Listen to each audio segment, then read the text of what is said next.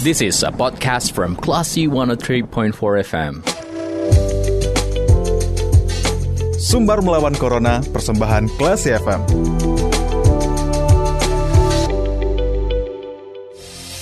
Monitoring for Classy FM, this is the actual radio. Classy People, saatnya Anda mencermati sumber melawan Corona, persembahan Yayasan Semen Padang, Semen Padang Hospital, bersama saya di Indira.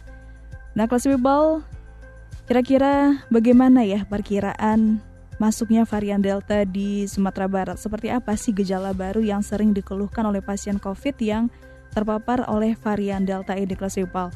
Untuk mendapat jawaban tersebut, saya sudah tersambung dengan Dr. Dewi Nancy Putri Mars, staf ahli Direktur Semen Padang Hospital.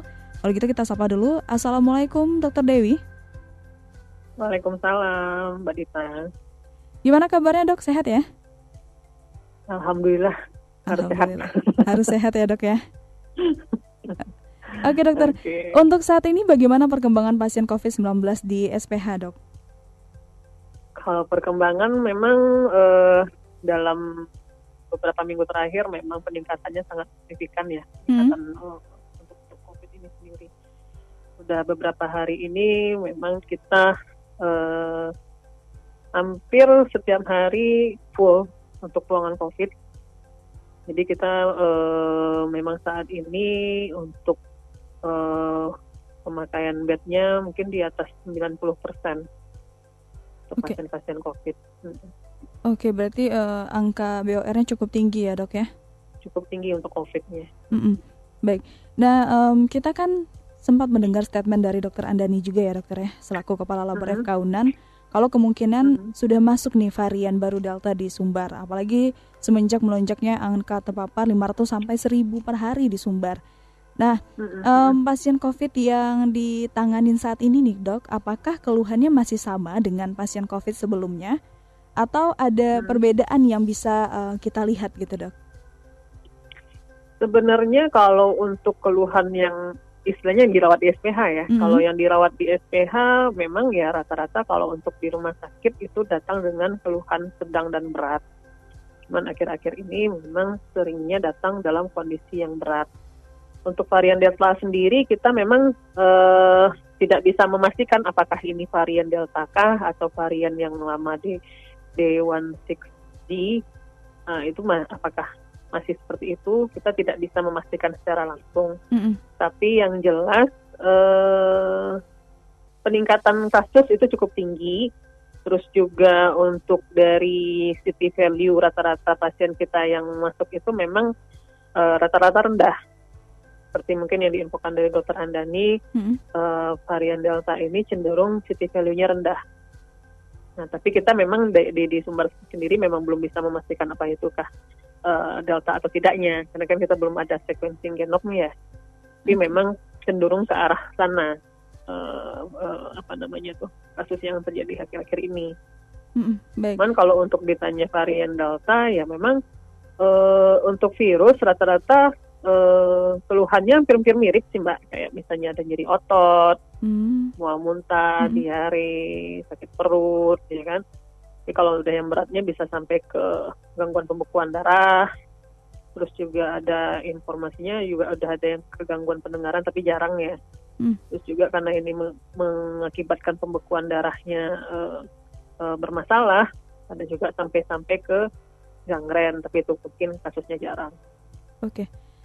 Dengan adanya em, kemungkinan varian Delta ini ya dok ya, kira-kira gejala apa yang em, bisa dibilang baru diketahui gitu ya, baru ditemui sejak diketahui kalau varian Delta ini sudah menyebar gitu, yang mungkin gejala ini belum ada sebelumnya, akhir-akhir ini muncul gejala baru gitu, itu seperti apa aja dok?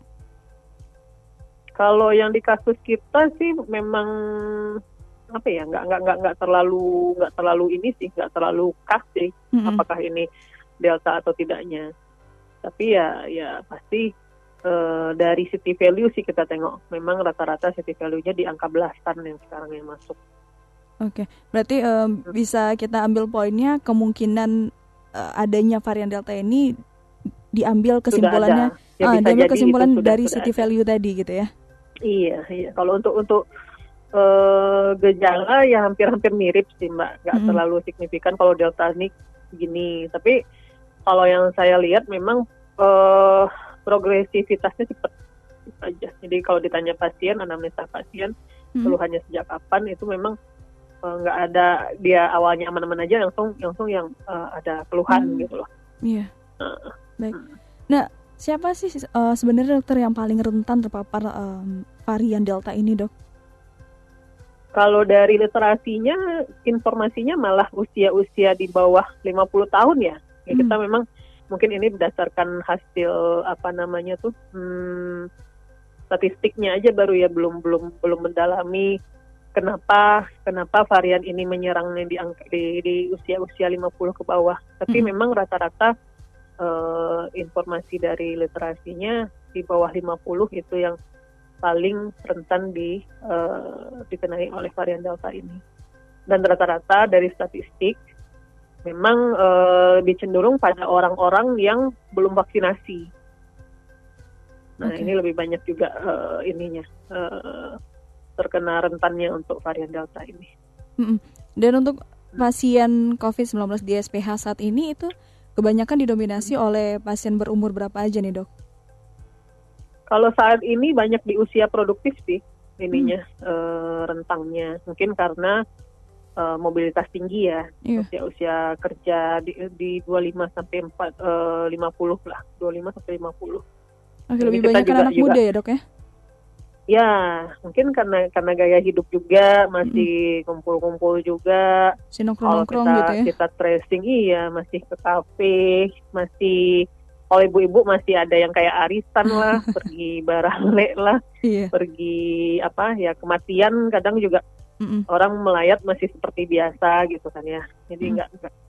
uh, mungkin kebiasaan ini, kebiasaan masyarakat kita yang belum bisa uh, beradaptasi dengan kondisi pandemi ini. Jadi masih masih berjalan seperti biasa aja tanpa distancing. Mm pakai masker juga kalau kita nengok uh, trennya sekarang uh, memang memang sangat menurun sekali uh, apa namanya tuh kepatuhan masyarakat terhadap prokes ini.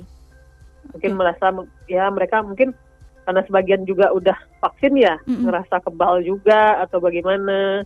Terus juga mikirin ya udah immunity deh, biarin deh kalau gua kuat gua bakal bakal survive gitu-gitu deh pemikiran orang-orang zaman sekarang. Mungkin karena udah udah jenuh juga ya iya, pandemi fatik gitu kan ya. Mm -hmm. Jadi ya mereka juga udah udah udah nggak awas lagi dengan dengan covid ini. Oke. Tapi untuk pasien balita apakah masih ada di SPH dok? Ada, ada. Tapi ya mungkin tidak sebanyak usia produktif.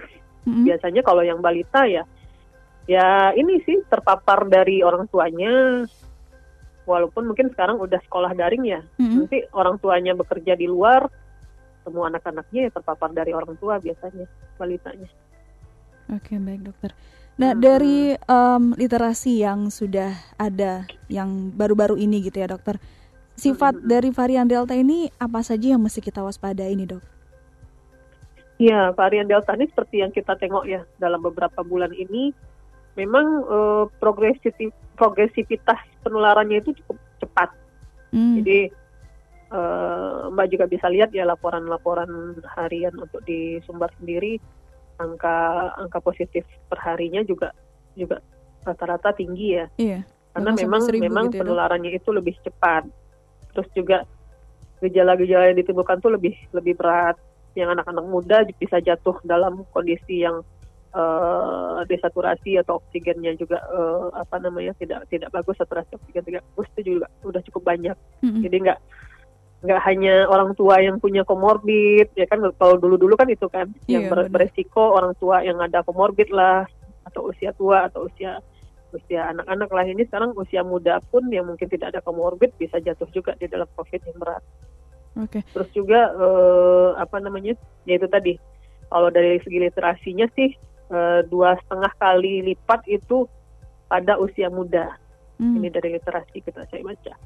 Okay. Jadi memang banyak usia muda. Kita nggak tahu apakah memang virus ini menyerang sesuatu di di tubuh-tubuh orang muda atau, atau karena, karena mobilitas mobilitas, ya? ah, mobilitas uh -uh. orang muda ini sendiri ya itu kita belum ada penelitiannya sih cuma dari statistik seperti itu. Iya.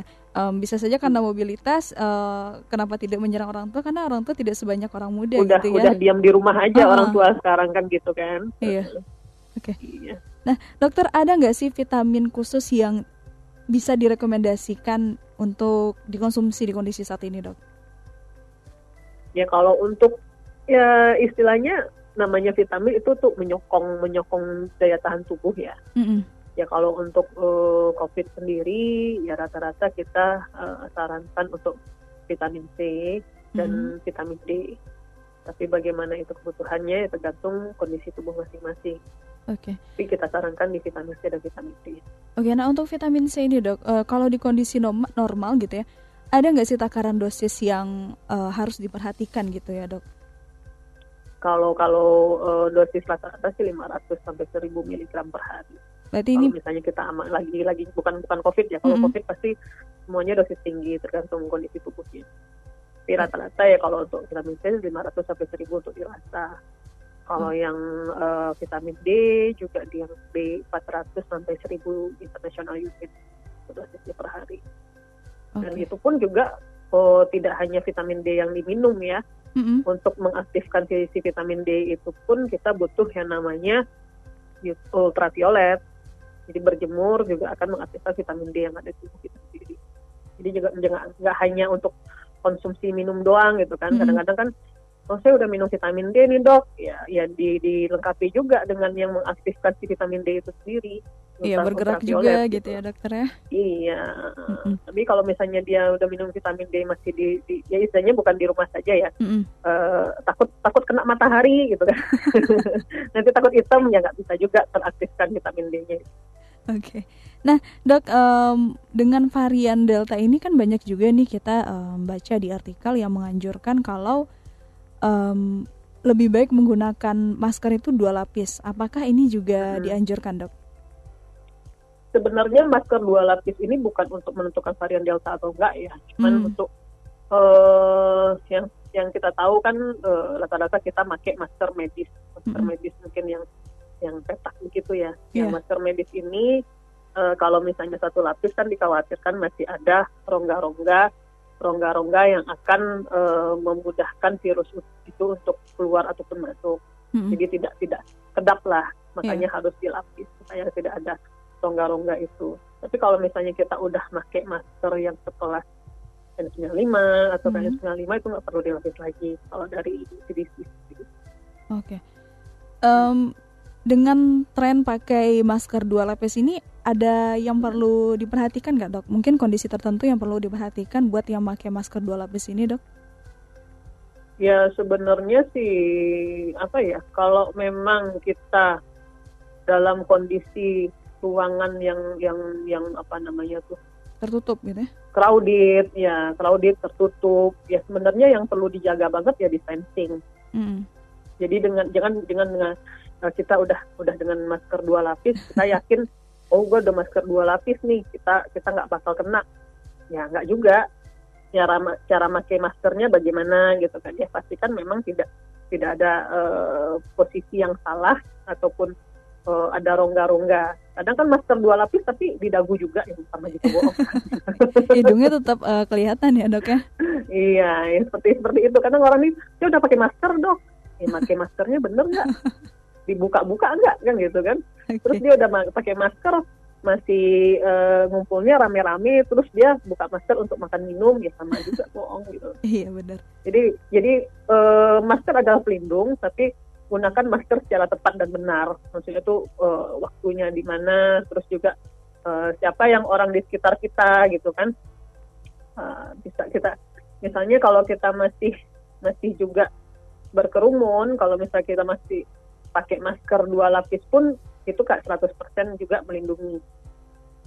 Ini masker dua lapis tapi kita duduknya uh, dempet-dempetan ya sampai juga bohong.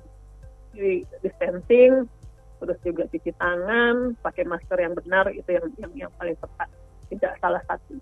Oke, dan jangan lupa untuk uh, vaksinasi ya dok ya, biar lebih ya, kuat menghadapi vaksinasi. menghadapi nah, varian delta ini ya nggak menghadapi varian delta aja mm-hmm. varian apa pun yeah. itu uh, dengan vaksinasi ini memang memang sangat diperlukan mm-hmm. memang kalau saya lihat uh, beberapa orang mungkin yang orang dekat dengan saya yang antara yang vaksinasi dan tidak vaksinasi memang itu sangat uh, berbeda kalau dia terpapar.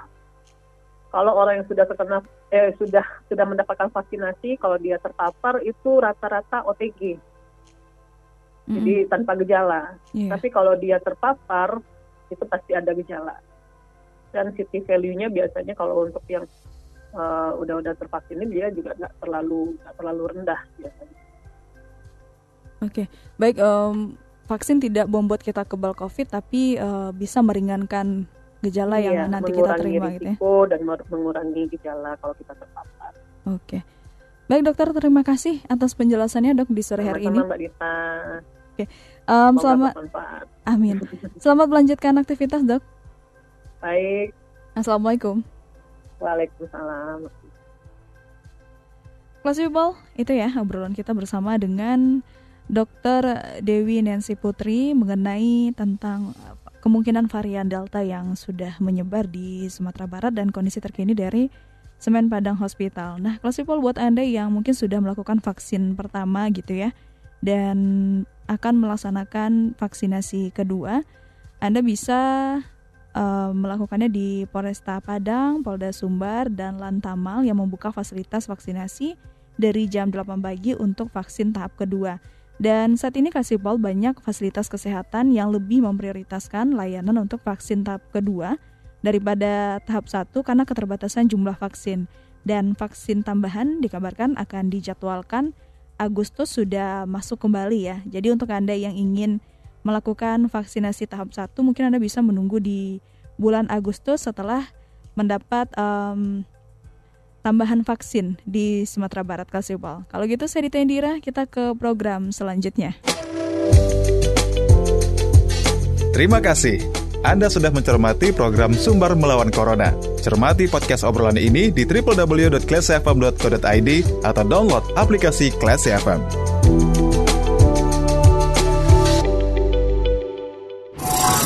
This is a podcast from Classy 103.4 FM.